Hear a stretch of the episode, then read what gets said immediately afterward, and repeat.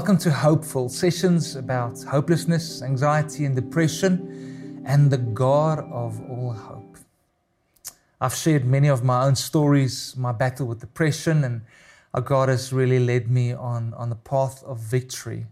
And this is section two of, of how to really live in victory and how to overcome in this life as well. Last week, I started by saying, firstly, you have to admit that you might have a problem and that you need to go and look for help. Secondly, firstly, go and look for that help with God. Cry out to Him, as Psalm 8 says so beautifully. And He won't always, in that moment, set you free and everything will change in a moment, but at least you are walking with God on this road of recovery. Now, I want to jump in further and, and, and really ask you to go and see someone, to ask for help. And here I would really recommend a professional. It would either be a psychiatrist, a psychologist, a counselor, a doctor. But do this prayerfully. Ask the Lord to lead you, to lead you to the right people. I had all those people in my life. I had a psychiatrist, a psychologist, I had a good counselor. Of course, I had amazing friends and my family to support me. But I was very open about this and I did it prayerfully. And God led me to the right people and He worked through them to take me to a place of wholeness. Secondly, please never self diagnose. Uh, I've said this earlier. Um, I want to be very responsible in the way that I present this to say, I'm giving you some pointers, but you have to have a professional opinion um, in going, going ahead. Um, one of the best ways for me to have understood my own battle with depression and how it works is to understand it. When somebody told me it's like a it's like a laptop or like a computer. You have hardware and you have software. Now your hardware is your body. We all have a body. And our body works in different ways. And many of us need to take medication for certain areas in our body that is not functioning correctly. Now when it comes to depression uh, your neurotransmitters play a massive role your um, thyroid gland plays a massive role. Um, your adrenals play a massive role. And if some of them are depleted or not firing well, it can have a massive influence on your body and on your mood. So some people think, no, it's no, this, this has got to do with my emotions, so it can't be my body. No, but sometimes these two actually work together very strongly. So my case, um, I had to go on medication, and this is where the hardware comes in because living a life of high adrenaline also as an artist also as a, a minister of the gospel i would have many times adrenaline drops. So my adrenals would become depleted.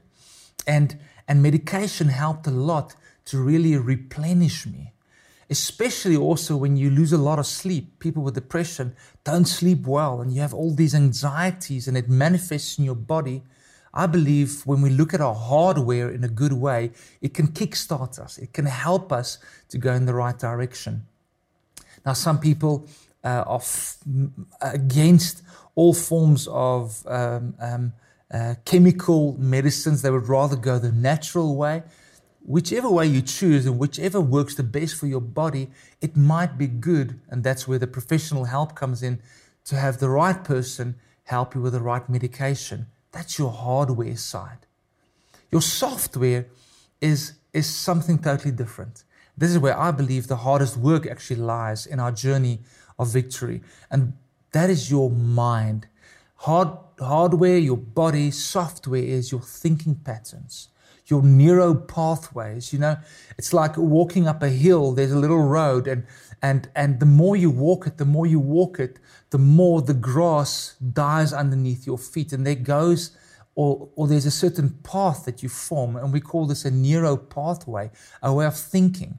So when that thing happens in your life, it triggers something and you think of that pattern. Now to break that is massive.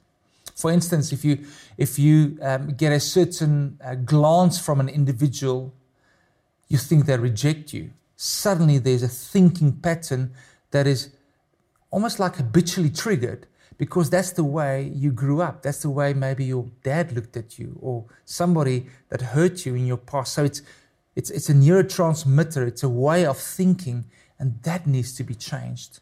I'm just using an, example. um, what ha- worked for me, and this is where a good counselor comes in or a good psychologist, where they help you reprogram your thinking.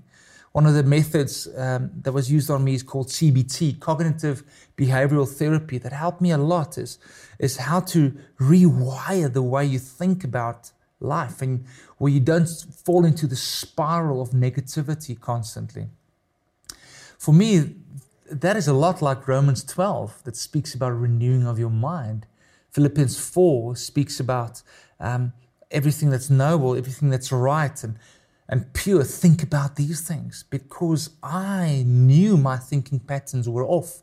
They were uh, lie stricken in so many ways, where I believed so many lies, and God had to come and replace that with His wonderful word.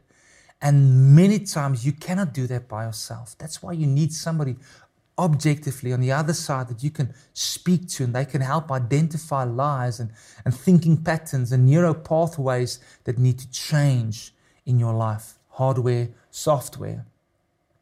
I also believe that it might be the case. I don't uh, suggest that you start there always.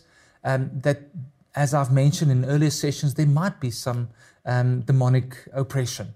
Um, that somewhere the enemy has got a hold on you, and then you need to pray with somebody. Um, that you can literally go for deliverance, and somebody can pray for you for a specific stronghold that might be in your life. And then also, um, I would encourage you to to to really exercise and to to get out. It's so good just to have the sun on your face, to have the blood flow, to have the sweat going. I, I remember my dad dragged me out of bed in those seasons, said, just come and jog with me. And I didn't want to, I didn't want, didn't feel like it. But every time when I've done it and I'm finished, I felt good because my body in those moments produced happy hormones. You just feel good once you've exercised, hopefully. Diet, what you eat, is so important that you don't eat junk food, you, you eat well. Then um, start doing things that you really like, um, like all the hobbies that you used to do. Uh, for me, at some point, I, I, I took up bird watching again because I used to do that as a kid, and I loved doing that. I started to put in irrigation um, in people's gardens just to to have success in a certain area so I could start to feel a bit better about myself again. I know it seems ridiculous, but that's where I had to start at some point uh, on my journey with, with battling depression. Then, also, so important, sometimes we can get in such a victim mentality as, um, as people struggling with depression that you are so inward focused. So, I always encourage people get out, go and help, go and serve people with a greater need than you. Not to feel guilty about your problems, but to just get perspective and see the joy it brings you when you help alleviate the pain of others.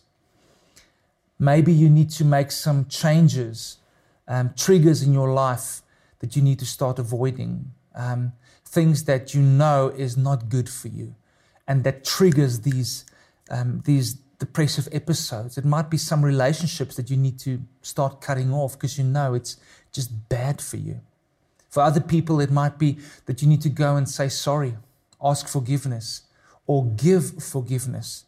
That's where a counselor can help you so so well with, with, with getting rid of, of past trauma and, and, and abuse and having to set people free. Because you know, bitterness in our lives can, and unforgiveness can also harbor this, can, can also fester depression many times in our lives.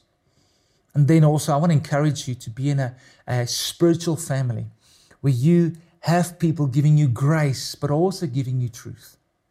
I remember on my walk with, with, with depression, um, I wouldn't have made it if it wasn't for spiritual family, spiritual leaders speaking into my life. And in those moments, I had the grace speakers and then I had the truth speakers. And you need both. I call them the back rubbers and then the truth speakers. You see, sometimes we are so insecure when we're in depression that you cannot hear the truth. The truth to expose the lie in your life. And I want to encourage you to have those people and invite them to bring truth to you as well. It's not a quick journey always, but I believe it needs to be a holistic journey that you're on. Please ask for help, if this is you. And, um, and start this journey of recovery, start this journey of victory that I believe the God of all hope also has for you. Thank you for tuning into Hopeful. If you need more help, please go to mattersofthesoul.org to have a Christian psychologist perspective on depression and to receive help. Alternatively, go to the website of the South African Depression and Anxiety Group or phone them on 080 045 6789.